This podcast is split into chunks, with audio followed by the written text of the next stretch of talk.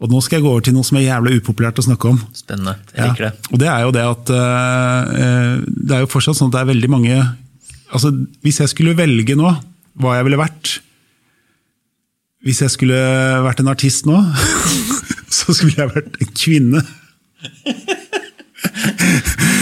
Jeg ville vært en kvinnelig artist som er bra. Fordi, Fordi nå, at er det, nå er det veldig krav om 50% eller i hvert fall at Yes. folk ønsker seg det. Samtidig som det er helt vanvittig etterspørsel, og alle vil jo ha de samme eh, artistene. Men det er jo, hvis du går på 20 artister som folk vil ha, så er det sannsynligvis kanskje fem damer der. da. ja, nå, nå drar du litt på. Ja, men kanskje det. Men la oss si sju, da. Mm. Men uansett så er liksom tallene tilsier at det lønner seg nå å være en god kvinne.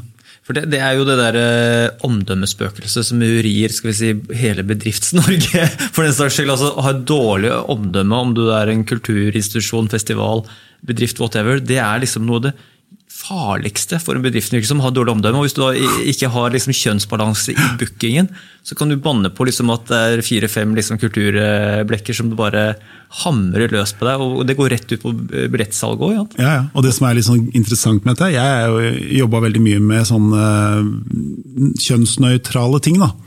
Men uh, i utgangspunktet så er jeg sånn, nå som jeg lagde den bokserien vår, for eksempel, så tenker jeg jeg har lyst til å spørre 50% menn og 50% damer til å skrive bøker. Det jeg vet, er at de som kjøper disse bøkene, her er 70% menn. Og de er først og fremst hypp på å skrive om å lese om menn. Så jeg har da spurt ti damer og ti menn. Av de så svarer åtte menn ja til å skrive bok, to damer svarer ja til å skrive bok.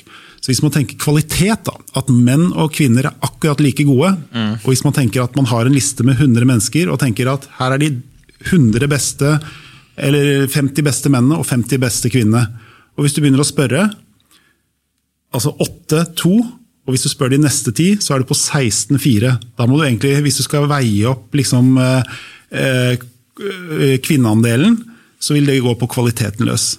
Det er jo ren, skjær matematikk, superenkelt. Og det som er ganske sjukt, er jo at eh, Jeg skjønner jo liksom offentlige instanser, der kan man jo skjønne at noen må ta den regninga. Men hvordan kan noen forlange at jeg skal lage dårligere bøker bare for å få med masse kvinner til å skrive? Det er jo en sånn guffen problemstilling som jeg vet at det kommer til å bli mye, mye bråk om. Men, men, men for meg er det sånn, skal jeg bruke mine penger på å gi ut bøker med dårligere kvinner som sannsynligvis selger mindre?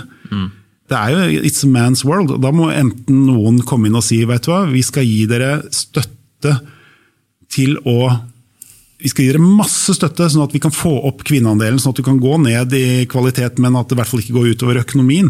Det burde jo vært en sånn helt soleklar greie, men det er ingen som står og vifter med de pengene. De forventer seg bare at uh, vi skal Det skambelegges altså på at ja, det, det blir sånn omdømmeripe hvis ikke, uh, Ja, ja. i stedet. Så det, Jeg husker faktisk det verste jeg har vært med på.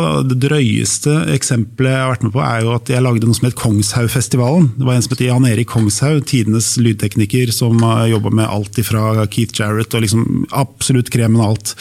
Han har vært med på rundt 1000 plater. Eh, Da skal jeg lage en festival eh, på tre dager med 16 artister til å spille.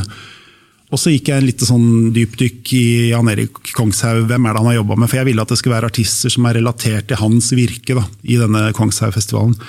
Og så begynte jeg å se, og så så jeg liksom på tok, Nå tok jeg et helt tiår. Jeg analyserte, det var liksom 300 plater.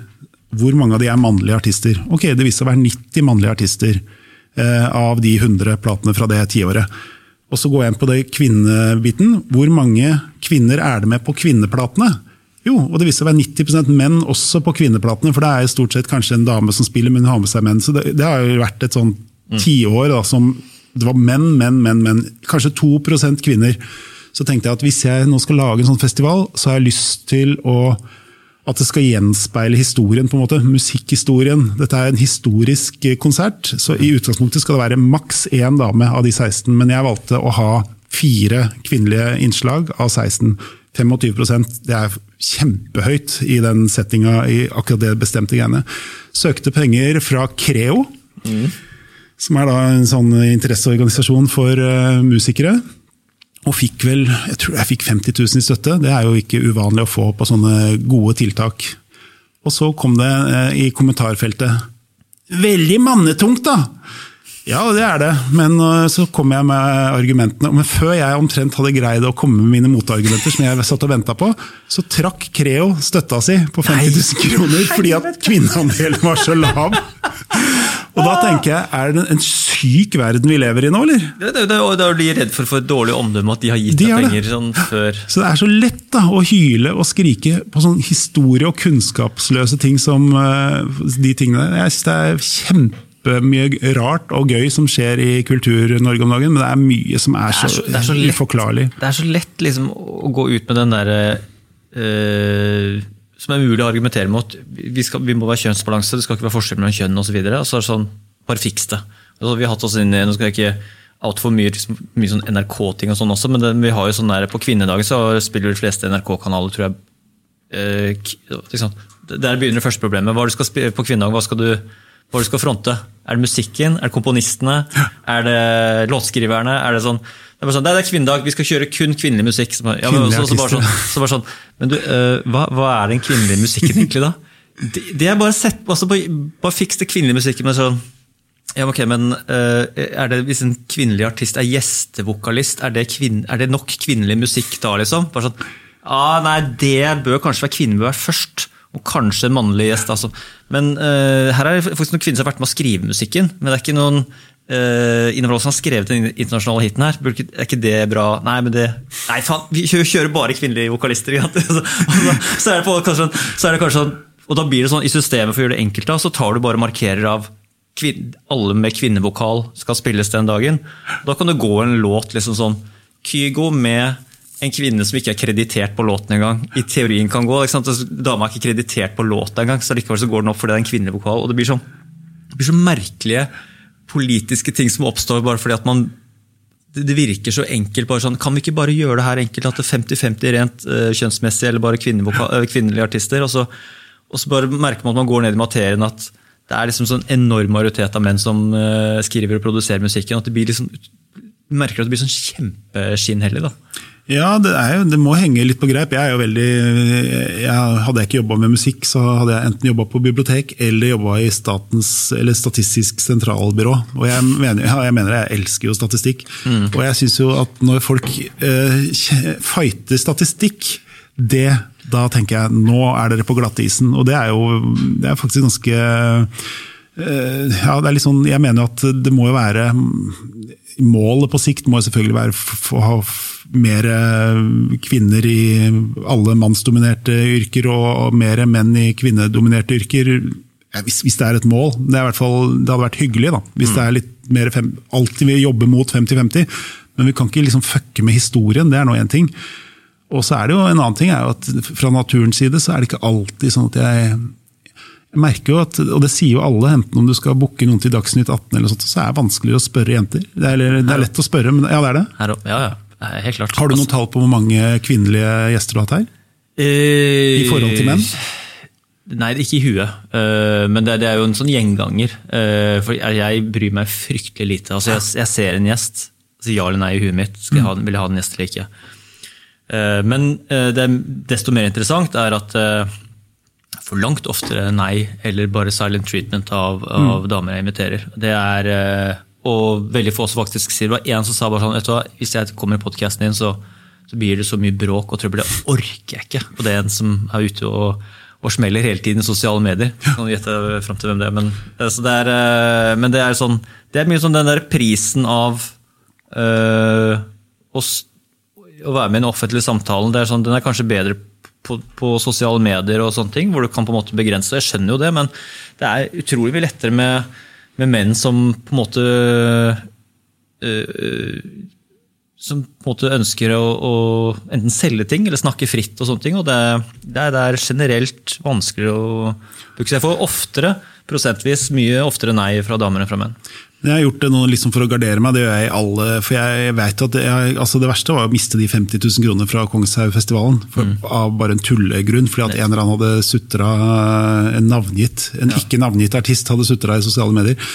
Men jeg har begynt nå bare å lage statistikk på alt. Hver gang jeg spør, spør, spør for hver gang, spør annenhver gang. Det blir jo ikke det resultatet man vil ha, men resultatet ender jo opp med at jeg kan i hvert fall i det minste si I tried. Og, det, og han hørtes hørte som Jan Thomas. I tried!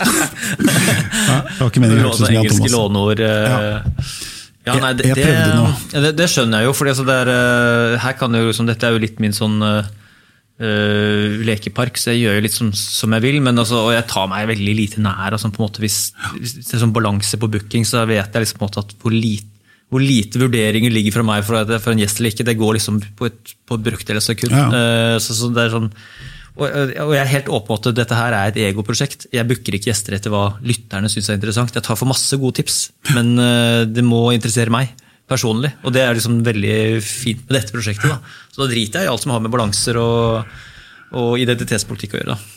Ja, jeg er sånn at jeg driter i resultatet av balanse, men jeg vil gjerne ha ryggen fri at jeg har spurt. Og, har, eh, og det er vanskelig. Altså, jeg gleder meg til de debattene som ofte kommer i etterkant av sånne litt sånne bråketing som dette. Jeg holder på med den bokserien vår nå. Det har blitt masse saker i Klassekampen. Hvor er de kvinnelige forfatterne? Ja, hvor er de kvinnelige forfatterne, sier jeg.